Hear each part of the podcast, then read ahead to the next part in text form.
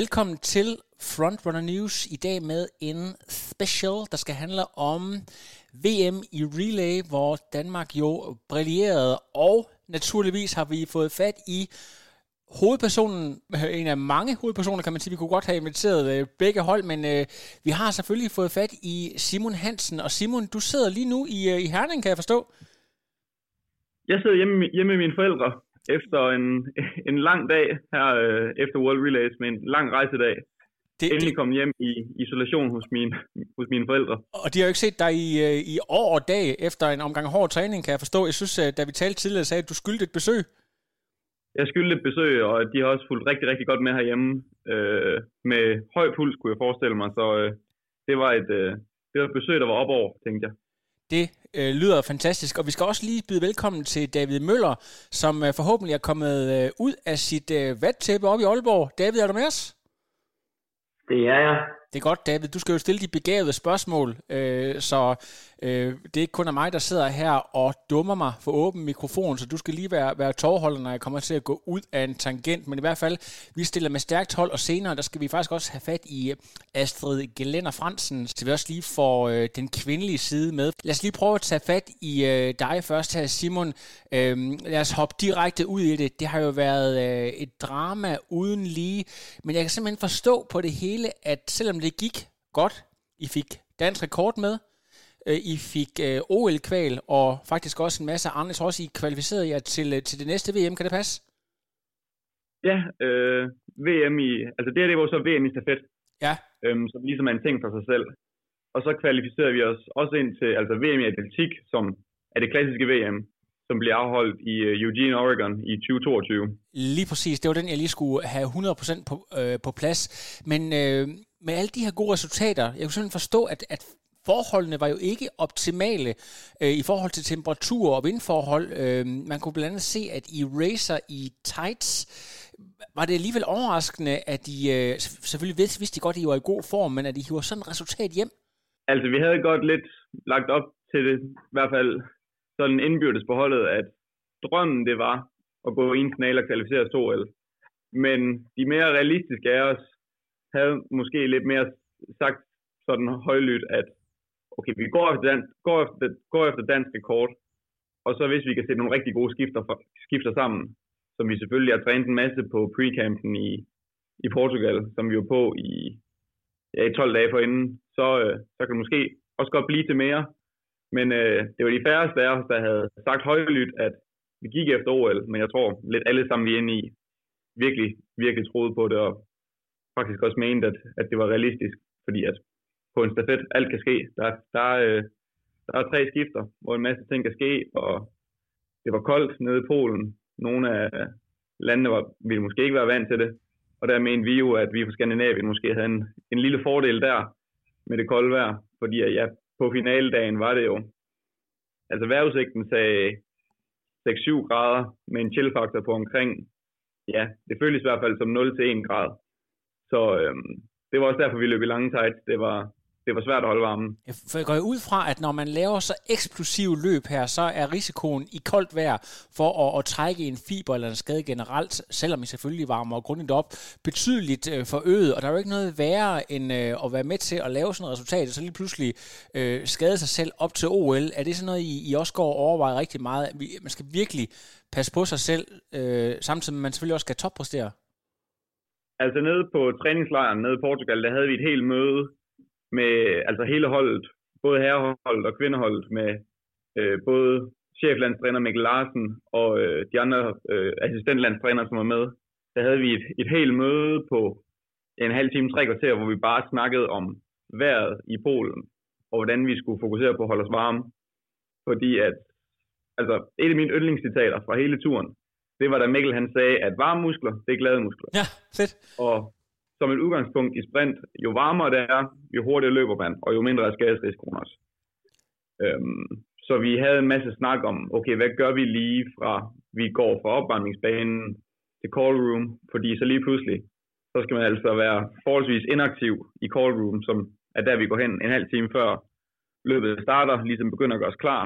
Og der er vi jo forholdsvis inaktiv, altså sidder sig startnummer på og bliver ført ind på stadion og alt det her og det er jo der, det er virkelig vigtigt, at vi skal holde varmen og holde den der kernetemperatur, kernetemperatur i musklerne. Så det var jo med varme bukser og to par lange tights og lange underbukser, skulle jeg lige til at sige. Så der blev brugt alle mulige former for metoder til at, til at holde på varmen. Sådan og, et, et godt gammeldags trick som sådan noget tigerbalsam, øh, er det også noget, der bliver sådan, at man kan lade duft af kamp for over det hele, for, for simpelthen at holde øh, musklerne godt varme? Er det også noget, man bruger? Altså, whatever works. Jeg bruger det ikke selv, men øh, jeg kunne godt lugte, at ja. de havde gang i et eller andet over, hvis er sydafrikanerne. Ja. Fordi at, øh, det er jo varmt dernede nu ja, i Sydafrika. Det er, jo, de er jo lige blevet færdige med deres sommer dernede. Så der, var, der, var, der lugtede af tigerbalsam rundt omkring, men øh, ikke i vores lejr. Vi havde, øh, vi havde nogle gode varmebukser, og vi havde nogle varmebukser, som faktisk også var, man kunne tænde for, så de blev varme, og det ikke bare var ja, isolerede bukser. Så, så de er simpelthen lavet specifikt til, til, til atleter som jer? Altså øh, sådan nogle, der, der er designet til at øh, have sådan elektrisk øh, gennemstrømning, eller hvordan? Altså bukserne tænker du på? Ja, jeg, jeg, jeg forstår ikke helt, hvad er det, du, du siger, at de, I havde nogle bukser? Altså, vi havde, vi havde to par varme bukser. Ja. Øh, et par, som egentlig bare er sådan nogle helt vildt tykke bukser, som lavede et specielt stof, der virkelig bare er godt til at holde på varmen.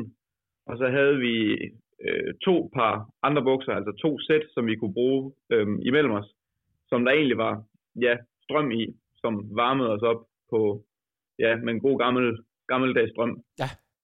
Jamen, det er simpelthen fantastisk at dykke ned i den her øh, videnskab. Øh, der er rigtig mange derude sikkert, der, der kun er bekendte med øh, klassiske løbediscipliner, så derfor så synes jeg, at det er fantastisk spændende at dykke ned i alle de her detaljer. Jeg synes lige, vi skal have David på banen i forhold til selve afviklingen af løbet. Øh, David, kan du ikke lige være ham, der, der sådan lige spørge ind til øh, selve løbedelen. Øh, er der nogle særlige ting, som, øh, som du som coach er interesseret i at vide her? Altså man kan sige, at jeg er en lille smule på udebane her, fordi at øh, Simon han sprinter, og jeg, jeg løber lige en tand længere, øh, så for os er, er, har det faktisk, øh, hvis ikke lige der havde været vind, der gjorde, at, øh, at vi havde en chillfaktor der hedder 0 til 1 grad, så er 6 til 7 grader jo rigtig, rigtig lækre forhold for en langdistance, særlig langdistanceløberen.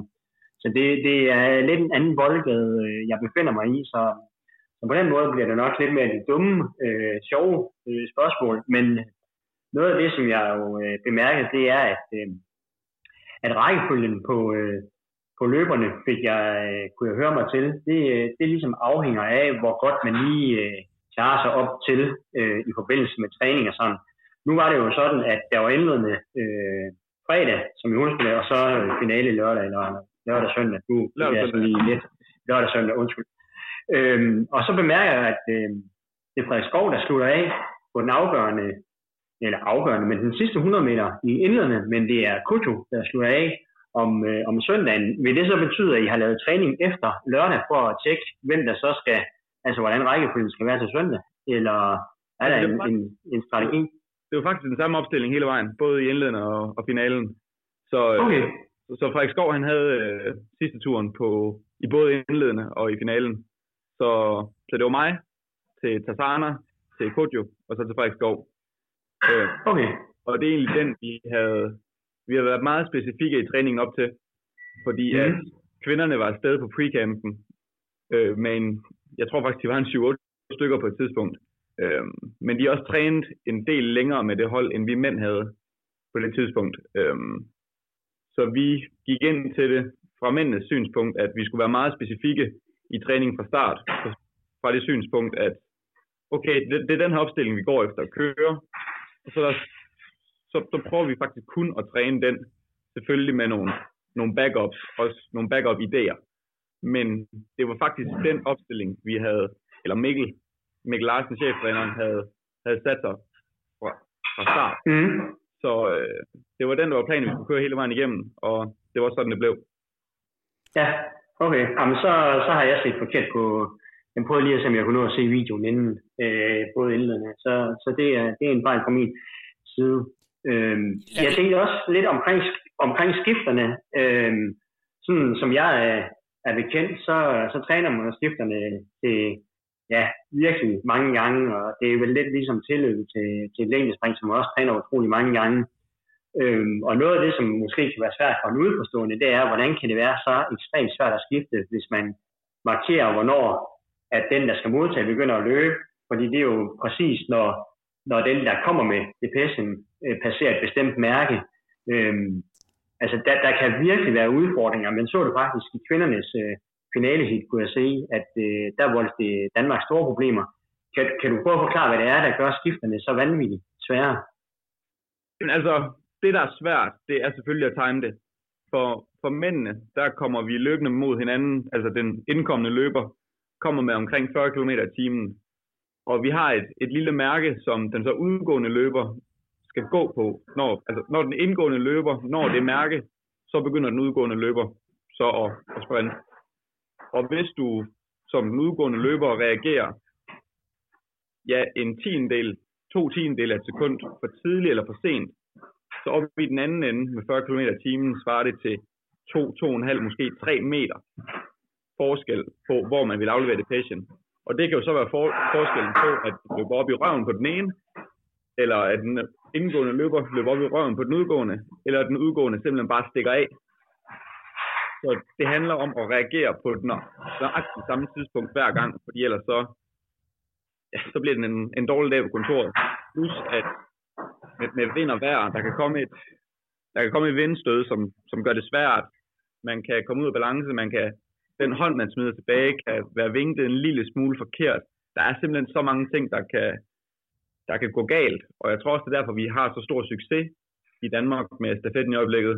Fordi at vi fokuserer de der detaljer. At vi værdsætter dem over rigtig, rigtig mange, eller altså vi værdsætter mere end mange andre lande. Og det er også lidt det, som Mikkel, vores, vores cheftræner, bliver ved med at fokusere på, at okay, måske er vi ikke lige så lige så stærke som nogle af de andre lande på personlig bedste på 100 meter. Men vi kan noget i de der skiftezoner. Vi lægger virkelig vægt på detaljerne, og det, det synes jeg virkelig øh, viser nede i Polen, at øh, fokus på detaljerne og fokus på de der bitte, bitte, bitte små procenter, tiendedele, hundreddele, tusindedele inde i de der skiftezoner, det, øh, det, er det, der, det, det er det, der rykker jeg synes, det er super interessant, og jeg kunne godt tænke mig at vide, hvis man kender metaforen fra øh, fodbold, blandt andet dem, der er gamle nok til at kunne huske, øh, da Danmark blev europamester, og John Fax, han ramte bolden lige i røven. Kan man mærke i sådan en stafet der, når den sidder lige i skabet, altså bare bam, bam, bam, bam. Altså så den der følelse, der gennemstrømmer kroppen af, at det, man næler den 100 procent. Øh, er det en følelse, du kan genkende? Det kan jeg sagtens. Man ved, hvornår man har ramt den lige lige i røven. Og man ved også bare, hvornår at, okay, det der skifte, det lå virkelig for, altså det lå for langt op i zonen, så den udgående løber blev nødt til at tage lidt fart af, for at undgå at løbe væk, eller man løb direkte op i enden på den udgående løber, som indgående løber. Så man, der er ligesom en mellemting mellem de to, og når man rammer den, og den bare sidder direkte i handsken, den depeche, så, øh, så er det en god dag. Og det var stort set det, der skete mellem mig og Tassana i, i det indledende løb. Og så kommer der bare sådan en automatisk reaktion fra, fra mig på det tidspunkt. Okay, den sad bare lige i handsken, så nu har jeg kun et job tilbage, og det er at bare råbe alt, hvad jeg kan, direkte ind i baghovedet på ham, så han bare tordner det opad. Men man ved, man ved, når den sidder der. Og det, og det var den og, følelse, øh, du, du sikkert havde øh, efter jeres løb i, i lørdag, at I vidste bare, at den her, den sad altså bare lige, hvor den skulle. Overordnet set, så synes jeg i det indledende løb, at alle skifter, de var gode, men de var ikke perfekte på nogen, på nogen måder. Øh, Maja Tassanovs skifte kunne godt lige have ligget 2-3 meter længere frem i zonen, så han havde, så Depechen ikke tabt så meget fart. Depechen tabte en lille smule fart. Og det er jo det, det handler om.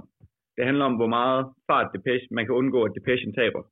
Så hvis Tassana kunne have rykket 2-3 meter længere frem i zonen, så jeg afleveret den, og måske lige have givet mig et lidt længere indløb, ja, så ville Depeche måske kan miste lige så meget fart, som den gjorde, og så kunne vi så have måske have hentet. Jeg tænker i hvert fald, at vi havde i hvert fald en tiendel ekstra at hente i det første skifte. Det er, jo, det er jo øhm. mega interessant det her. Jeg skal lige øh, igen have David bragt i spil her, fordi øh, du havde jo tidligere i dag en lille telefonsamtale med Paul Bæk, der jo træner øh, Mathilde Kramer, så vidt jeg ved fra, fra, fra kvindernes øh, landshold. Øh, var det nogle af de samme ting, der gik igen, at øh, den her øjeblikkelige succes, som vi ser i dansk sprint, skyldes den her ekstreme fokus på detaljen, øh, David, eller, eller er der også andre parametre? Øhm, ja, altså det er ikke, øh, altså jo, han, han, øh, han, øh, han siger ikke direkte, at fokus på detaljen er, er det, der ligesom er afgørende, men, men øh, det blev øh, lidt mere en snak om, hvad, øh, altså hvad er det, der jeg netop får, for dansk sprint til rykke lige nu, og, øh, og hvordan stafetten passer ind i det her. Øhm, og, øh, og noget af det, som, øh, som Paul han øh, påpeger, det er jo, at, at i det her tilfælde er der jo en afvejning af, af holdet over for den individuelle præstation, som, som atletikken jo er. Og, øh, og jeg ved ikke, om Simon vil kunne genkende til det, men man, som udgangspunkt vil man måske tabe en lille smule af at indgå i holdsammenhængen øh, her kontra det ekstreme fokus på sin egen præstation. Men omvendt, så kan øh, deltagelsen på holdet, ligesom vi har set i mellem lang, øh, hvad angår cross, jo give en adgang til nogle oplevelser, som måske ville have været sværere at opnå individuelt. Øh, her hvor vi blandt andet ser, at, øh, at stafetholdene kvalificerer sig til, til VM og OL. Øh, og det må man, øh, hvis man skal sige det råt på udsøget, sige, at har været ekstremt svært på, på sprinterne her individuelt. Så, så på den måde kan det jo, kan du give den her sammenhængskraft, at, at det at deltage på stafetten og satse på stafetten, det kunne få flere, øh, give flere lyst til at sprinte, øh, der er udeforstående, fordi at de kan se, at stafetten kan give adgang til nogle oplevelser, som vil være svære at opnå øh, alene øh, som den ene del. Og så kan det jo også være, at hvis man ligger i periferien til at være med på et stafethold, eller man er den her femte mand, øh, som er udskifteren, at, at dem, der ligger i periferien og reserven, øh, bliver motiveret til at give den ekstra skalle, enten for at komme ind på holdet, eller for at få byttet sin reserveplads ud med en fast plads på holdet. Så, så der ligger sådan øh, to elementer øh, i det, som, øh, som ja, Paul og jeg faktisk øh, sad og var lidt enige om, øh, fordi det samme gør sig gældende i, i mellemlang på, i forhold til cross. Hvad siger du til det, Simon? Er det noget, du ja. kan genkende? Jamen altså, ja, David, jeg synes, I, I rammer den rimelig godt med de der øh, ting. Øh, altså, jeg sidder og, og tænker på et af mine yndlingsordsprog, det der med, at lige børn leger bedst. Øhm, fordi jeg tror virkelig, eller jeg ved, at vi i øjeblikket er i en, ja, er i en en form for guldalder i dansk sprint i forhold til den talentmasse, vi har. Øhm, om det skal jeg ikke kunne sige, hvorfor vi har sådan en talentmasse lige i øjeblikket, men vi har i hvert fald fundet ud af, hvordan vi kan, hvordan vi kan holde på den, og hvordan vi kan videreudvikle den. Og jeg tror, at altså nu begyndte sidste år med, med Kodjo der, hvor han tog et kæmpe spring. Og der kan jeg bare huske, at vi alle sammen, de resterende af os, der var på stafetholdet, nærmest bare kiggede på hinanden, og sådan, uden rigtig at sige noget, fik kommunikeret over til hinanden, okay, så skal vi også gøre det. Fordi så har vi et stafethold, der kan rykkes. Og vi træner sammen til daglig, altså tre af os, mig og Kojo og, og Steffen, som var, som var med nede på øh, nede i Polen. Vi træner sammen til daglig, presser hinanden til daglig, lærer hinanden, sparer med hinanden. Øh, og jeg tror også bare, at de fleste af os har været rigtig, rigtig dygtige til at sætte vores egne egoer til side, hvilket kan være rigtig, rigtig svært for sprinter en gang imellem, øh, hvis ikke hele tiden. Øh, det synes jeg virkelig, vi har været gode til. Og vi skal også huske på, at det er ikke noget nyt, det her med, med stafetprojektet. Det er ikke noget, der startede den 1. januar 2021. Altså, det var, vi er jo helt tilbage til, da, da Pjotrik, han var, øh, han stod for ligesom spadestikket til projektet i, i 2017-2018. Så det har været længe undervejs, og det har jo uden tvivl ikke været uden bump på vejen. Øhm, det er jo gået op og ned, særligt for mændene, med, med missede starter og, og fejlprioriteringer fra folk involveret, så det har godt nok været op ad bakke i de første par år. Men så her i sidste år, hvor at der var nogen af os, der virkelig begyndte at rykke, sagde vi, okay, det er nu eller aldrig. Og jeg tror, at vi har vi er gået voksen lidt til opgaven, og jeg tror bare, at eller jeg ved, at vi alle sammen er så motiveret øhm, ved at se hinanden performe så godt, som vi gør lige nu. Og at folk, de griber chancen. Fordi at der er også lidt, jeg tænker lidt, i, for, i hvert fald for mig selv, har jeg haft lidt den der tanke med, okay, det er nu eller aldrig, fordi vi er med til World Relays i år. Lidt et corona-år, så vi var måske også lidt heldige med, at nogle af de allerstærkeste lande ikke kom. Jeg tror, vi har nakket dem alligevel, men det er en anden sag. Øhm, så det var alle tingene, der gik, gik op i en højere enhed her. Det ene specifikke stævne, hvor vi kunne kvalificere os, og så den ene tusindedel over Ukraine, som, som det krævede, at Frederik Skov sprang på, ja, sprang på hovedet ind over målstregen nærmest, og flænsede halvdelen, eller den ene side af hans ryg op. Men som Frederik han også sagde, vil han gøre det igen? Ja, han vil gøre det tusind gange. og det beviser også bare, at vi i øjeblikket på det stafethold vil gå igennem ild og vand for hinanden, og det er bare fantastisk at se, synes jeg. Helt, helt fantastisk sammenhold, og øh, du er jo selv øh, en kæmpe god ambassadør med et rigtig stort follow på sociale medier, er god til at fortælle øh, om dit øh, liv og om sporten generelt, så det er også øh, en af grundene til, at vi gerne vil have dig med her.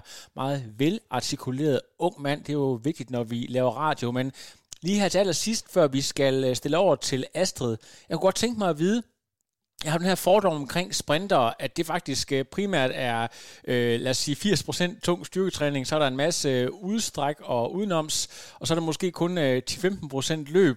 Øh, er det helt grebet ud af den blå luft, eller kan du ikke lige prøve at fortælle, hvordan din øh, hverdag ser ud med, med træning og måske studier, øh, sådan en, en typisk træningsdag, hvis du kunne fortælle lytterne om, hvordan den ser ud, øh, Simon? Altså en typisk træningsdag, i konkurrenceperioden. Selvfølgelig har vi vores grundtræning i, i efteråret og vinteren, hvor vi sagtens skal have træningspas på op til tre timer. Så, så der laver vi i hvert, i hvert fald en masse, en, en masse styrke, inkluderet med en masse forskellige løb osv. osv. Det er, hvad det er. Det er lidt mere basale træning, som jeg tænker, de fleste atletikmiljøet kan, kan relatere til. Men øh, hvis vi går ind i vores ja, konkurrenceperiode eller konkurrenceforberedende periode, så har vi nogle af vores vigtigste pas om lørdagen. Ja. Og der er det der med, at men sprinter, de laver jo aldrig rigtig noget til træning. Den kan godt følge lidt, fordi at så laver vi selvfølgelig en, en sprintopvarmning, hvor vi fokuserer på en, en del stræk og en del sådan sprintspecifik koordination for at indøve de, de rigtige bevægelsesmønstre til, til en sprint. Men så derefter, så kan vi sagtens have i sådan et vigtigt konkurrenceforberedende træningspas, have nogle, have nogle blokstarter på en 30-40 meter, god, god pause mellem sådan nogen, 5-6 minutters pause mellem sådan en, øh, nogle 40 meter sprint. Det kan godt lyde meget, men med de hastigheder, vi løber, så øh, er det også virkelig noget, der, der tager på kroppen, så det kræver også lang pause imellem, hvis kvaliteten skal opretholdes på det tidspunkt af sæsonen. Og så øh, nogle intervaller i slutningen, som et klassisk pas er for os, er sådan 150 meter, 150 meter, 120 meter, all out, max gas, med et kvarters pause imellem. Så jeg kan godt forstå, at der er nogle gange, hvis der er folk, der kigger lidt på, på sprinters træning, at de tænker, de laver jo ikke noget. De løber 150 meter, og så sidder de nede i et kvarter og går måske også over og brækker sig. Altså. Men det er bare det, når vi løber med de hastigheder, så skal der også bare mere restitution til imellem de der gentagelser, for at vi kan få det fulde udbytte. Så jeg kan godt lidt følge det der med, at ah, de, de, de løber lidt og styrketræner lidt og, og spiller lidt smart og så videre. Og, og det er lidt stereotypen på en sprinter. Øhm, der er selvfølgelig mere til det end det, men det, det er svært at komme udenom, at det er sådan, det er i den periode, fordi at det er så specifikt. Men altså, jeg har brugt den her, ja, jeg ved ikke, om det er en metafor eller en, bare en generel forklaring tidligere, men hvis vi tager udgangspunkt i, i, i geparden, ja. nede på Afrikas, Afrikas savanne, det, det, det hurtigste øh, landdyr i verden, kan løbe over 100 km i timen. Hvad laver en gepard på en normal dag? Okay, den ligger i skyggen en hel dag, og så venter den måske på en antilope, der kommer forbi en to-tre gange. Og øh, det er måske over en 8-10 timer, der har den sådan tre max sprint, sådan en gepard, hvor den jagter sit bytte. Og det er den verdens hurtigste på. Og det er faktisk lidt det samme princip, vi benytter. Øhm, fordi at hvis du gør noget igen og igen og igen og igen, og du gør det med høj kvalitet, det er jo det, det gale konsekvenstræningsprincip, så bliver du også bedre til det. Og sådan er det også for sprint. Men du kan ikke løbe 20-100 meter om dagen. Så springer din baglår i luften. Så det, det, det handler om at have den her semi-høje mængde, men med sindssygt høj kvalitet og intensitet. Og den semi-høje mængde for sprinter ligger typisk på mellem de der 3-5 max gasløb om dagen. Og det kan man så max gøre de der tre gange om ugen. Men det er bare sådan, det er rent fysiologisk i forhold til sprint.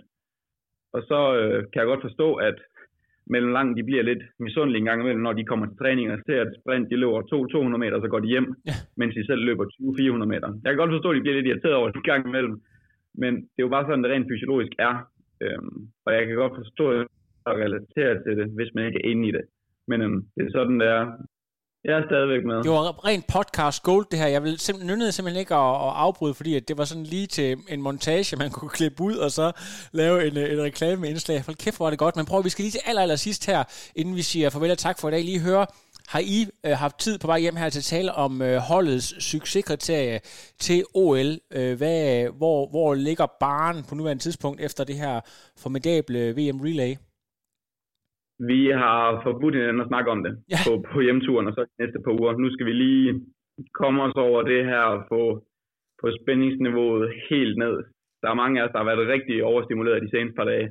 Øhm, men det kommer helt sikkert til, til den tid, og jeg har da også nogle tanker i hovedet, men øh, det vil jeg lade, lade landstræneren om, og så vil jeg se, hvad han kommunikerer ud, og så tager vi den derfra. Men jeg er i hvert fald helt sikker på, at når vi kommer til Tokyo, så, øh, så har vi noget i, i posen, som folk vil tabe.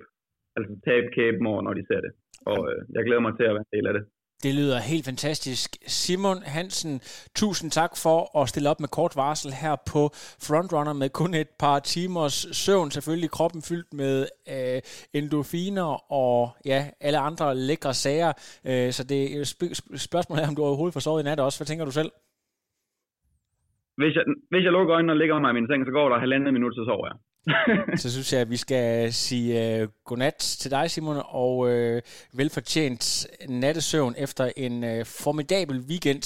Tusind tak for, at du vil medvirke. Tak fordi jeg måtte være med. Det har været en fornøjelse. Altid en fornøjelse. Vi tales ved. Det gør vi. Hej Simon. Og så er vi klar med vores øh, næste gæst, Astrid Glenner Fransen, Danmarks bedste sprinter, netop hjemkommet. Vi har lige haft øh, Simon på, der kun havde sovet tre timer i nat efter en formidabel weekend. Hvad med dig, Astrid? Er du lige så medtaget? Øh, ja. det, var ikke, det blev ikke mange timer. Vi fløj også klokken 3. Nej, eller vi skulle i hvert fald afsted fra hotellet klokken 3. Så Men, ikke øh, meget tid til at sove. Jeg synes næsten, jeg kan høre på dialekten, at øh, du ikke skulle lige så langt, i hvert fald hvis I fløj til Kastrup. Øh, du skulle ikke helt til, til Herning. Jeg forestiller mig, at øh, du bor over i Københavnsområdet. Ja, det er rigtigt. Så jeg det... havde heldigvis ikke øh, den ekstra tur der. du, du har haft tid til at, at hvile en lille smule mere. Skal vi ikke bare lige springe ud i med det samme? Din analyse af i hvert fald det første formidable løb, I laver, hvor I øh, simpelthen øh, laver den første danske OL-kval for, for et kvindeligt stafethold siden, ja, hvad er det, medierne skriver, 1948. What's that like? Jamen det var, altså det var sådan lidt mærkelig fornemmelse, fordi at lige da vi havde løbet, der, øh, der, der troede jeg egentlig ikke, det var gået særlig godt. Øhm, sådan, hvor mig og Mette skifte var sådan, altså jeg, hun havde blevet til at stoppe lidt op, øhm, og jeg kunne også se, at Mette og Ida skifte heller ikke sådan spillede helt super, og sådan, vejret var også sådan lidt, ja, det var sådan lidt, ja, så jeg, jeg følte ikke, det var gået helt godt, og tiden var sådan okay, men det var ikke noget særligt, og øhm, så det først, da, da de sådan begynder at sige noget i, øh, i, i kommentator, eller hvad hedder det, sådan ud i øh, speakerne, øhm, at jeg sådan, måske alligevel har en fornemmelse af, at det gik meget godt alligevel. Det, det, jeg synes, der, øhm. det, jeg synes, der er rigtig spændende her, vi har jo lige haft øh, Simon på, der, der fortæller os om alle de her detaljer, øh, det, her, det der med den her følelse, der går gennem kroppen, når man bare nailer de her skifte, der bare kommer et turnover, og det bare siger slag, slag, slag, slag, og, og den føler du ikke rigtigt, der er der. Men, men kan jeg så dermed konkludere, at selvom I har lavet et super resultat, udefra set, så er der simpelthen meget, meget mere at komme efter. Ja, altså det vil jeg sige, fordi at der var, der var ikke nogen af de skifter, vi havde, som der bare sad i skabet. Øhm, og de har siddet meget bedre, når vi har øvet det, og det var nogle svære forhold, vi løb i, så, så på den måde kan man ikke forvente, at de er perfekte, men, men, men jeg vil sige, der er meget at komme efter, især i skifterne. Vi, vi talte jo nemlig om lige præcis øh, tidligere, at øh, de her 6 grader, og øh, så var der også lidt regn indover, det er ikke lige frem er sprintervejr, og gutterne der, de havde talt om, at det er sådan lidt øh, vikingevejr. Var det også noget, I har talt om i jeres gruppe, at det kunne komme til at spille til jeres fordel, at ikke lige frem var øh, høj sol og øh, ja, vindstille, han har sagt? Ja, altså man kan sige, ja, det er jo, man, vi er jo lidt vant til det herhjemmefra. Øhm, så på den måde tænker jeg da også, at det, det er i hvert fald noget, vi er mere vant til end mange af de andre hold. Øhm, ja, så det er jo noget, man kan bruge til sin fordel, men, men lige meget hvad, så sætter det ligesom et, et præg på tiderne, som man også kunne se på alle, at, at det gik ikke lige så hurtigt, som det havde gjort, hvis det havde været lige 20-30 grader varmere. lige præcis. Jeg synes næsten, at David skal have lov til at være den, der lige spørger lidt ind til selve løbet. Der har du altså som øh, løbetræner et lidt bedre falkeblik, selvom at du ikke er specialist på sprintdistancerne. Så David, vil du ikke lige prøve at, at øh, stille lidt skarpt på, på kvindernes løb her? Jamen altså, ligesom med, med Simon, nu har jeg prøvet på at se øh, løbende, men øh, nu tror jeg jo roligt fejl i rækkefølgen på herrenes, fordi jeg øh, havde set mener at have set, at de har ændret rækkefølgen, så derfor så vil jeg formulere spørgsmålet lidt anderledes til, til dig, Astrid. Øhm, hold de samme rækkefølge fra indledende til, øh, til finalen? Øh, det hvis, gjorde... øh, hvis nej, hvorfor ikke? øhm, vi holdt samme rækkefølge, men øh, Ida, som løb sidste turen, blev byttet ud med Emma i finalen.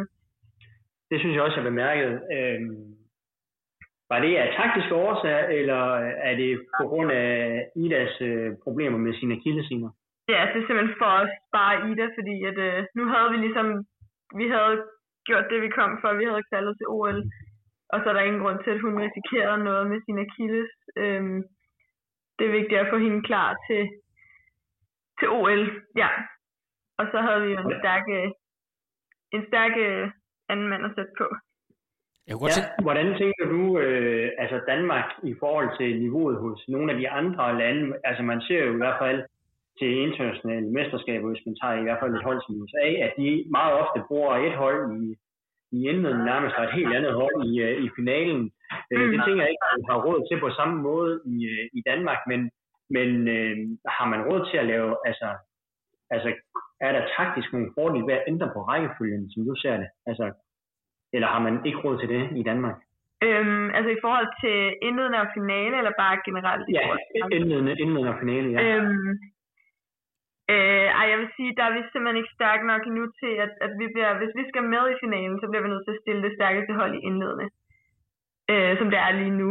Øh, men, men det kan vi også sagtens. Vi kan sagtens løbe to løb. Så det, og, øh, og, og stærkeste hold, det er jo også altid den samme rækkefølge, siger du så, eller hvordan? Nej, det er det ikke nødvendigvis. Øh, men det er lidt, lidt afhængigt af fra, tidspunkt til tidspunkt. Øh, folks formkurver svinger jo lidt forskelligt i løbet af en sæson og sådan noget. Øhm, ja, så det er lidt forskelligt, hvem der lige er, er skarpest på de forskellige øh, parametre på de forskellige tidspunkter eller sådan. Ja. Mm. Jeg, jeg kunne godt tænke mig, at du nævner det her med, at der blev byttet rundt på rækkefølgen. Kunne du personligt mærke en forskel på at løbe før OL-kvalen og efter den var i hus? Øh, var der en anden afslappning i kroppen, eller en anden følelse? Øhm, ja, altså det, det, det var lidt, vi var jo også i finalen sidste år. Ja. Øhm, og det var egentlig lidt samme, samme fornemmelse, at altså, vi havde simpelthen været så glade øh, der lørdag, da vi havde, vi havde kvalet, og altså, det var jo alt, hvad vi havde, øh, havde håbet på. Øhm, og vi havde, ja, så vi, vi var ligesom, vi havde ligesom fået alt det, vi kom for. Og så er det simpelthen, altså det er jo mega fedt at løbe finalen, men det er simpelthen så svært at, at ramme det rigtige sådan, spændingsniveau dagen efter, at man, man har, har gjort det så godt. Øhm, ja, så det er, det er bare det er mega svært at skulle leve op til det en gang til dagen efter. Og øhm, ja, selvom, selvom man måske beslutter sig for, at nu må vi virkelig ikke hvile på laverbærene, så, så kan det simpelthen være svært at, at, at gå ind og, og lave samme præstationer og ramme den helt rigtige tænding. Ja, præcis, og det, altså sådan, det skal man jo selvfølgelig kunne, men, men det er bare rigtig svært, fordi at vi havde ligesom, altså vi var et eller andet sted, var vi jo tilfredse, vi, vi ville gerne også have en god placering i finalen, men, men vores helt overordnede mål for weekenden, det var at kvalde til OL. Øhm, og det gjorde vi jo allerede der søndag. Øhm, men så til gengæld kan man sige, at jeg var, jeg var personligt virkelig nervøs søndag for fly lørdag, fordi at jeg, jeg havde jeg havde jo godt en fornemmelse af, at det kunne lade sig gøre, hvis vi ramte den, det rigtige løb. Øhm, og de nerver, som der var der, de var ligesom mændet lidt til jorden dagen efter. Øh, altså den, på den måde kunne man løbe lidt mere frit og lidt mere afslappet, og, og kunne måske sådan tage det lidt mere ind, sådan selve løbeoplevelsen dagen efter. Nu, øh, der er ikke nogen af hverken David eller jeg, som er sprinteksperter, så vi håber, at du vil være, øh, være lidt over med os, hvis vi kommer til at stille nogle lidt fjollede spørgsmål. Men når du nu er den danske rekordholder på 60 og 100 meter, er der så lidt den her holdkaptajn følelse, at øh, du synes ikke rigtigt, du, du må ikke svigte holdet. Altså hvis der skal, man, hvis vi laver sådan en, en øh, base, baseball-metafor, så er det din opgave at lave øh, holdets home run, hvis du kan følge mig i det. Altså, føler du dig øh, hviler et særligt tungt ansvar på dine skuldre? Mm, jeg føler, at bare det der, at, at det pludselig, at man løber for, altså det tror jeg egentlig, vi alle sammen føler, det der med, at pludselig løber man ikke kun for sig selv, men også for nogle andre. Øhm, det gør bare, at der er endnu mere på spil end normalt, når man kun løber for sig selv. Øhm, så der er bare, jeg synes, der er virkelig et, et ekstra pres, når, når man løber stafetten. Øhm, ja, men altså, man gør jo sit bedste. Noget, der faktisk er virkelig interessant, både sådan psykologisk og øh, i alt elitesport. I er jo fem personer udtaget. Du har selv prøvet at være reserven på et tidspunkt, at du øh, simpelthen, mm. hvis du gerne vil være den, der øh, kommer til at løbe de her vigtige finaler og kommer med øh, som aktiv til OL, så er du nødt til at, at simpelthen slå nogle af dine rigtig gode venner af holdet. Øh, jeg tror nok, at det, der, der har været et EM tidligere, hvor du for eksempel var reserve, så du kender følelsen, ja. og så har du så ja. faktisk øh, kvæg din øh, ja, øh, gode øh, fremskridt formået at slå nogle af de andre af, så det nu er dig, der, der har øh, det, som Kasper Christensen i kloven vil sige, the upper hand. Hvordan, hvordan, hvordan er det, når man samtidig skal have et verdensklasse sammenspil, der er afhængig af, at det kører som smurt i olie, samtidig med, at man er blodige konkurrenter? Det kunne jeg rigtig godt tænke mig at høre dit take på. Ja, Øhm, jamen det er noget, altså det er noget, nu har vi jo løbet sammen i mange år efterhånden. Øhm, så det er noget, vi, det er også noget, vi, sådan, noget, vi har snakket meget om øh, som i gruppen. Øhm, hvordan, hvordan man sådan håndterer det der, fordi vi både er, altså, ja, skal gøre en indsats sammen, og så har alle selvfølgelig også deres egen øh, drøm om at selv få lov til at løbe på holdet. Øhm, men der er det noget med, at man bliver nødt til at se det større billede, og se, hvad, hvad der er bedst for holdet lige nu. Øhm, og der har vi jo heldigvis også altså mange tests og sådan nogle ting, der ligesom kan vise det, så det bliver lidt, lidt mere i hvert fald sort på hvidt. Øhm, og så synes jeg i hvert fald personligt altid, det er lettere at blive sat af, hvis man ved, at man, man ikke løber lige så hurtigt som de andre. Så er det ligesom, det er jo sådan, gamet er, kan man sige. Øhm, men derfor er det stadig, kan det stadig være rigtig hårdt at blive sat af. Men... Så, så dengang du selv var reserve øh, tidligere, tænkte mm. du så primært, nu skal jeg sørge for at holde de andre på tæerne ved at være i min bedst mulige position. Altså simpelthen tænke på kollektivet, eller går du og tænker, at nu skal jeg, den onde lille, vise træneren og alle de andre, at det er mig, der skal have den her plads. Hvordan tænker man øh, sådan helt, og du, altså jeg ved godt, det er måske svært at være helt ærlig her på landsdækkende podcast, men hvis du sådan kan prøve at, at få os ind i hovedet på en elitesportskvinde her? Mm.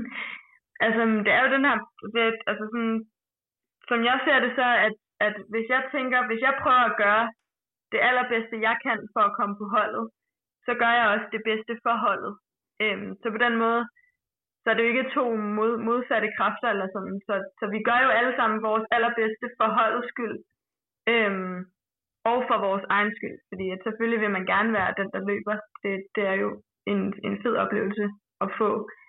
Øhm, men i sidste ende, så er det det, det der giver mening. Det hold, der giver mening, at dem, dem, der har løbet hurtigst, eller dem, der passer bedst sammen i skiftene, eller hvad det nu er, man øh, ender med at, at sammensætte holdet på baggrund af.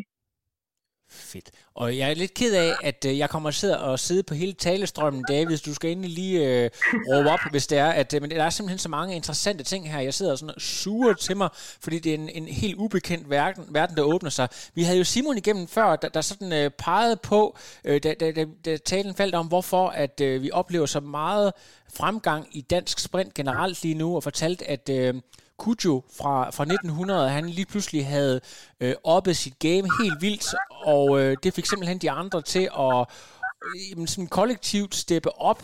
Øh, han peger også på, at der er en ekstrem fokus på detaljer. Hvad, hvad vil du, øh, øh, Astrid, pege på som, øh, som hovedårsagen til, at det går så godt for jeres hold lige nu, for, for de danske øh, sprintkvinder? Øhm, Jamen, jeg, altså, jeg har fået stillet det spørgsmål mange gange, og jeg synes, det, det er meget svært at sige. Øhm, altså, fordi altså, sådan, i første omgang tror jeg virkelig bare, det, det der med, at vi et eller andet sted lidt tilfældigt bare er nogle stykker, der bare altså, i virkelig mange år har trænet meget, og så begynder det ligesom at, at komme nogle resultater ud af det nu her. Øhm, men så er der selvfølgelig også noget, altså sådan, både noget motivationsmæssigt, som det her stafet har givet, at vi har været med til nogle mesterskaber, øh, før, vi, før vi individuelt var gode nok til at være med. Øh, som ligesom på en eller anden måde har gjort, at man føler, at, at nu hører man lidt mere til der, eller sådan. Øh, sådan, sådan, noget, ja, sådan, sådan noget motivation i hvert fald, i forhold til stafetten. Øh, og så tror jeg måske også bare det der, sådan, når man så ser nogle andre, der gør det godt, der bliver sådan på en eller anden måde brudt nogle, nogle mentale barriere, eller sådan, at, at hvis, hvis de kan det med de forudsætninger, som vi har her i Danmark, så, så, så, så kan jeg jo også gøre det. Eller sådan. Så, så man får ligesom man bliver for motivation af at se, at de andre gør det godt, og så kan man også selv gør det godt. Ja, lige præcis. Altså, man, ja, altså, det er sådan en, en, øh, en kædereaktion, der, der, der får det hele til at, at følge med hinanden. Det giver rigtig god mening. Men altså, noget, noget, som jeg har også har talt med David om, øh, det kan være, at du ligesom vil være den, der, der øh, går ned i spørgsmålet her, David, men du er jo også en atlet, der i din egen ret vil kunne følge nogle øh, meget egoistiske mål, kvæg dine hurtige tider på, på 60 og 100 meter. David, kan du ikke lige prøve at spørge lidt ind til Astrid her, øh, og hendes sådan øh, individuelle karriere, set i relation til relay, som vi taler om nu?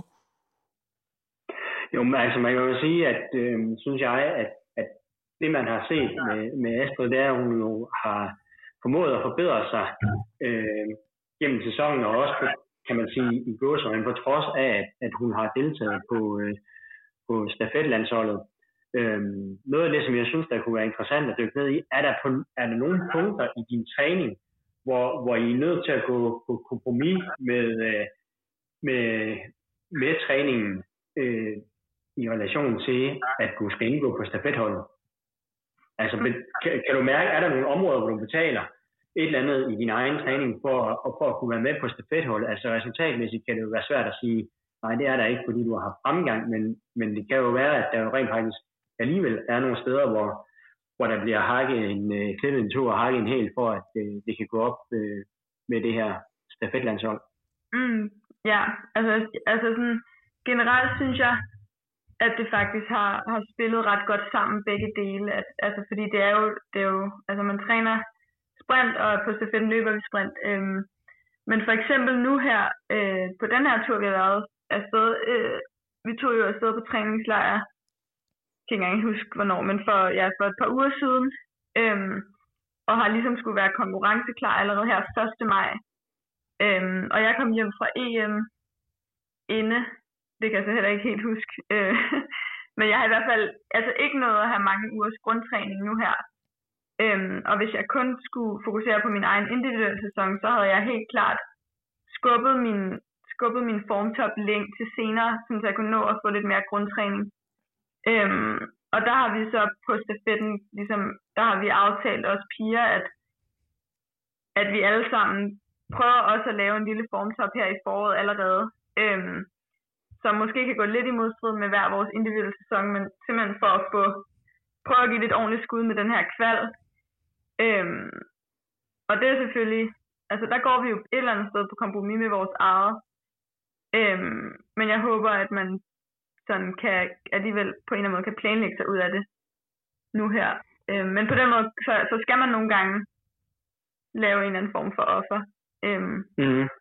ja. Så der kan faktisk godt være en lille risiko for, at, at, at det man vil som udgangspunkt vil forvente af mange af jer, der er på stafetlandsholdet i forhold til den tid, I, I skulle levere her i juni, måske, øh, måske starten af juli også, at de måske ikke vil være helt så gode øh, som følge af deltag, altså for at presse formtom frem mod World Relays her, øh, og mod Ja. det, kan man kalde det det større mål, OL. Ja, øhm, altså det, det håber jeg jo ikke, men det er selvfølgelig en risiko, der er, fordi at, at det var ikke sådan her, jeg ville have planlagt min sæson, hvis ikke jeg havde skulle løbe stafetten. Øhm, og vi har ligesom aftalt også, at, at hvis vi skulle løb, prøve at gå til den her kval, så skulle vi også sørge for at være i nogenlunde form til det, så vi havde en reel chance. Så det er ligesom et, et valg, vi har truffet. Øhm, og det er jo ikke til at vide, altså så forhåbentlig så gør det ikke nogen forskel, men, men man sætter jo alligevel sin egen sæson en smule på spil. Øhm, og sådan, sådan er det jo hver gang vi, vi gør noget med stafetten. Ik, ikke nødvendigvis på den her måde, men så er det måske noget andet, man presser et baglov, der er stramt, eller nogle andre ting. Øhm, så på den måde, så, så offrer man noget, men til gengæld, så synes jeg også, man får rigtig meget igen. det, som, øh, som jeg var interesseret i at, at høre lidt ind til, det var netop det her med, altså hvad er motivationen i forhold til at bedrive idrætten? Øhm, altså er det oplevelser, der driver det primært, eller er det resultaterne? Fordi man betaler jo med resultaterne. Altså, og, øh, og som vi som sagt også talte lidt med om Simon, at, at nogle af de her oplevelser, som man får gennem stafetlandsholdet, vil måske være sværere at opnå alene. Altså det kan være svært at sige, måske sådan sort på hvidt, fordi der jo netop er den her optur i øh, dansk sprint i øjeblikket, men, men øh, som jeg også øh, nævnte med, i interviewet med Simon, så, så har man jo lavet lignende tiltag mellem lang øh, i forbindelse med at lave øh, udtalelser til cross, hvor man har sendt landshold afsted. Og, øh, og det er jo noget af det, man i afklogskabens øh, ulidelige klare lys vil sige, jamen det var måske en af de væsentlige faktorer for, at det går utrolig godt imellem langt i øjeblikket. Altså at man har netop givet nogle udøvere nogle muligheder, de ikke ville kunne have fået alligevel, eller have fået individuelt, men, men ved at få igennem som, komme igennem som hold, så har man så har man skabt en agerighed hos nogen, der ligger i periferien Mm. til at træne hårdere. Og det er ligesom det, der har skabt brøden, men det man så måske har betalt med, det er individuelle resultater for nogle af dem, som var de pionerende inden for, for, for, øh, for mellem langt for at bryde igennem, øh, og jo offret, eller ligesom sat holdet over sig selv. Ja. Øhm, Det var et langt spørgsmål. ja, øh, Så, så det er sådan lidt, men- altså, er det oplevelserne, eller er det altså resultatudvikling? Ja, ja. Jeg talte med Paul Bæk om det, fordi han har det sådan lidt op sådan, at det, altså, i, i den snak, jeg havde med ham lidt tidligere i dag, der var det sådan lidt, det er sådan, der er noget med oplevelser, men der er også noget med resultater, og man betaler lidt med sine resultater måske, mod at få Mm. oplevelsen. Men Mm, øhm, altså jeg synes, det, det kan godt være svært at stille op på den måde, fordi at, at jeg synes også ofte, oplevelserne kommer med resultater, eller sådan, og resultaterne er en oplevelse i sig selv, og omvendt og sådan, altså så, så det er svært på den måde at, at dele det op, synes jeg. Øhm, og begge dele er jo en stor del af atletikken, sådan, altså hele sporten er jo meget resultatorienteret, øhm, men samtidig er det jo også øh, de oplevelser, man får, som er, er det, der gør det, det hele værd på en eller anden måde. Øhm, ja, så, så, så det er jo meget begge dele, og jeg synes ikke nødvendigvis, at stafetten gør ens resultater dårligere, øh, hvis man planlægger det rigtigt, men den kan nogle gange, nogle gange kan man blive nødt til at gå på kompromis med det. Øhm, og især fordi vi er et lille land, øhm, hvor, altså et land som USA, der vil man jo bare sætte dem på, hvor altså dem, hvor det passer ind i deres træning og sådan nogle ting. Øh, men hvor her vi er så få, især på kvindesiden, øh, hvor vi, vi er simpelthen nødt til alle sammen, har vi været nødt til at komme med til det her projekt, øh, hvis vi vil noget med det, fordi vi er ikke særlig mange. Øh, og så bliver man nødt til selvfølgelig at gå lidt på kompromis med noget af sit individuelle. Øh, men ja, men det, men det er lidt svært at stille op, synes jeg, sådan helt som resultat over for oplevelser. Men hvad- hvordan tænker du sådan stafetten, det, det prøvede jeg også lidt at spørge lidt, altså hvordan tænker du, at stafetten kan være en, en, en aktiv del af altså, at, at forbedre sprintmiljøet, eller tænker du, at stafetten er en, en, en nøgle til at forbedre sprintmiljøet i Danmark, det, det er måske bedre, og, og hvis ja, hvordan? Øhm, ja, altså, jeg, jeg tror i hvert fald allerede nu, det har gjort rigtig meget, øhm, at, at vi, start, vi startede ligesom med at være øh, nogle stykker, der gik sammen om at satse på det. Øhm, og så tror jeg helt sikkert, det er i hvert fald mit indtryk, at det har inspireret rigtig mange andre, der har set, hvor langt man faktisk kan nå med det. Øhm, og det behøver ikke at være, fordi man ikke tror på, at man også kan det individuelt. Øhm, men det giver en ekstra mulighed for at nå nogle ting, øhm, som man ikke måske nu og her kan opnå individuelt, eller som man også kan opnå individuelt, men, men det giver en helt anden oplevelse også at opleve det som hold. Øhm, og jeg tror, det har givet noget motivation rundt omkring jer i hele Atletik Danmark at se, at, at vi faktisk, altså nu er vi med helt op, hvor de allerbedste er. Øhm, så, så det tror jeg helt klart giver noget motivation, og det giver, giver noget, noget plads til, til flere på en eller anden måde. Øhm, ja, og så er det jo også altså bare det, sådan det, at vi er afsted på træningslejr sammen. Alle, altså man får samlet de bedste i Danmark og, og træner sammen. Det er vi generelt ikke så gode til i Danmark. Øhm, men det har vi gjort gennem stafetten, og det synes jeg også giver rigtig meget. Øhm, ja, at, at få lov at træne med, med de andre. Sådan, det, det, ja, men jeg, jeg, jeg brød ind her, I får vel også noget, øh, noget omtale, øh, altså via pressen, som I normalt garanteret ikke ville have fået i lige så høj grad, kvæg, at I er ja. afsted sammen. Ja, helt sikkert. Øh, ja, især det der, altså sådan, medierne elsker det der hold, hold øh, perspektiv på det, øh, som også er mega fedt. Det er vildt fedt at være afsted som hold. Øh, og jeg tror også, det der, sådan, man, man får fejret det på en helt anden måde, når det går godt også, fordi at man har nogen at fejre det med og sådan noget. Øhm, og ja, det er medierne helt vildt... Øh, det, det, det skriv, eller sådan, det er de meget opmærksomme på, eller sådan, så ja, så vi kom, man, ja, der kommer mere sådan ud omkring det. Og det kan måske også inspirere nogen til at starte atletik. Lige præcis. David, havde du noget til allersidst, du lige brændte ind med? Øh, så har vi stadigvæk Simon med os? Eller, ja, lige her. Du er, er du stadigvæk Simon. Øh, så altså, har du noget her til sidst, David, til enten Simon eller altså, Asta, eller sådan øh, overordnet? Noget, noget som, øh, som kunne være interessant måske øh, for en. Altså, det er jo selvfølgelig for mig at se øh, som træner. Øh, Simon han nævnte, der var assistenttræner. Jeg kunne se, det var Rolf Mortensen og Lars Pedersen. Hvilken funktion har de?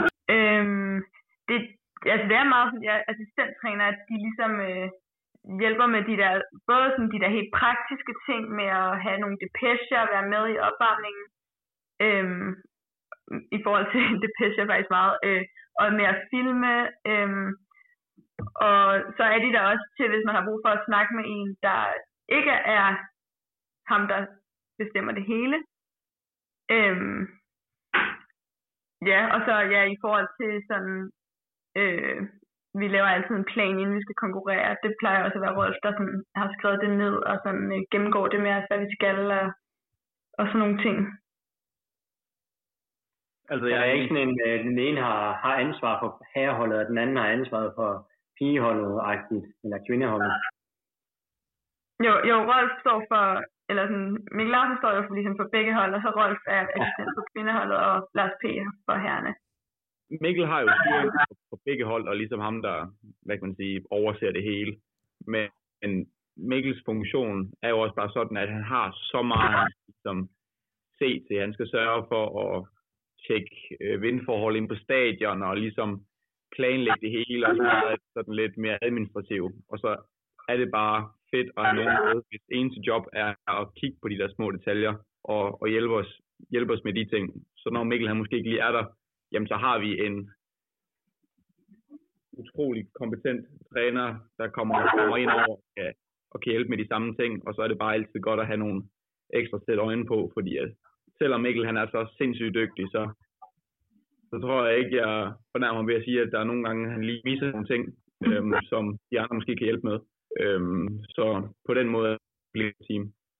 Ja, det er også, altså stafet er jo, man, man er mange i gang på en gang, så der er sådan lidt ekstra brug for, at der er nogen, der hele tiden er ved os, eller sådan, hvor hvis, hvis man selv konkurrerer, så er man bare meget inde i sit eget hoved, og sådan, skal bare koncentrere sig om sig selv, men nu er der meget behov for, at der står nogen udefra og kigger, hvordan tingene ser ud, øhm, på en helt anden måde, end når man er selv. Så derfor er det virkelig fedt, at det ikke kun er Mikkel er der til at kigge på, når vi så er afsted både mænd og kvinder, så på 12 atleter på én gang. Ja, så det gør rigtig meget. Har, har I så, er der nogen af jer, der har jeres, øh, den ene eller den anden træner på speed dial, hvis I sidder derhjemme og har en øh, halvdårlig dag, eller tingene ikke rigtig kører, at I så lynhurtigt kan komme i kontakt med, med rette vedkommende, for ligesom at få, eller, eller er det en helt anden person, der klarer de her ting? Øh, altså der vil jeg altid ringe til min, min personlige træner, hvis det ja. er Michael Jørgensen. Øhm, ja, og der har, du, Simon, du har jo Mikkel Larsen. ja, der er lidt, lidt anden situation med, at min personlige træner er også landstræner. Ja. Så øh, det, det er nogle gange lidt indviklet at finde rundt i, men øh, vi har også et rigtig, rigtig godt forhold, så, øh, så det er ikke noget problem her heller. Mm. Men det tror jeg generelt, at, at, at sådan de der mere sådan personlige ting, der, dem, dem vender man med sin egen personlige træner derhjemme øh, i Danmark, eller hvis de eventuelt er med, men det er ikke altid, det kan lade sig gøre. Altså, jeg har lige lavet et interview i sidste uge med Anne-Marie Rendum, som er en af verdens bedste sejlere, hvor det, er sådan, det var lidt chokerende, at der var så mange forskellige trænere omkring. Der var altså en sejlertræner, en, en, en mental coach, en, øh, en decideret fysisk coach. Altså, hvor stort er det der team egentlig omkring jer? Øh, lige fra massør til øh, teknisk træner. Hvor mange mennesker øh, er der på det der hold? Altså, når du den? øhm, jamen, altså, det, er jo, det, det afhænger meget af, hvornår. Og for, altså, fordi da vi startede, der var vi... Øh, hele projektet startede, der var vi bare os, og så øh, Piotr, som var, som var ham, der, der var øh, landstræner på det tidspunkt. Øhm, og så jo, jo bedre det er gået, jo, jo flere har der ligesom været mulighed for at trække ind i, i setup'et. Øhm, og da vi var afsted nu her, øh, til Polen, der havde vi ja, både Mikkel Larsen og så de to assistenttræner, Rolf og øh, Lars, og så havde vi en behandler med. Øhm, ja, og så kom Bo også, øh, Bo Overgaard, hvad, hvad er han, øh, chef i atletik? Ja, i, i chef, ja. I lille chef, ja, præcis. Øhm, ja, så der, der var vi lidt flere steder, end, end vi har været tidligere, også fordi vi var vi var to hold afsted, så jo, jo bedre det går, jo flere vi kan komme afsted, jo, jo flere øh, rundt om og større setup kan vi også få. Så det er også rigtig fedt på den måde, i er med til, at det bliver større og. Ja, I er med til at skabe jeres egen succes, så det, det, det giver mm. jo mhm. rigtig god mening. Det er super interessant. Ligesom aller sidste bemærkning, vi sluttede jo samtalen med Simon af med at spørge ind til det forbudte spørgsmål, som de havde aftalt, de ikke måtte tale om, altså ambitioner og forventninger til OL hos kvinderne. Øh, hvad, hvad, hvad tænker du? Du startede med at være super kritisk over for jeres ellers flotte præstation øh, der øh, lørdag med, du synes godt, I kunne gjort det lidt bedre. Hvad, hvad tænker du øh, er jeres ambitionsniveau til OL? Til OL? Øhm, jamen altså nu, det er jo, det er jo stadig lidt nyt, at øh, vi er kvalet, så, så jeg er ikke sådan helt øh, noget at, og sådan rigtig gennemtænke. Ja øh, hvad, hvad vi, men, men jeg tænker da, altså nu har vi været to gange i finalen til World Relay, øhm, og umiddelbart er det jo lidt de samme hold, der er med til OL. Øhm, så jeg tænker ikke, at en finale er umulig i hvert fald. Øhm, ja, så vi skal i hvert fald øh, give det et øh, ordentligt forsøg. Fedt. Og I hørte det første gang her på Frontrunner. Øh, vi er tilbage allerede i næste uge, forhåbentlig med mange flere news øh, med de største og vigtigste hovedpersoner. I dagens anledning var det David Møller, der var ekspert. Det var øh, Simon Hansen fra Hernes Relay. Det var Astrid øh, Glenner Fransen hos kvindernes relay team. Tusind tak, og alle lytter derude. Until next time, stay tuned.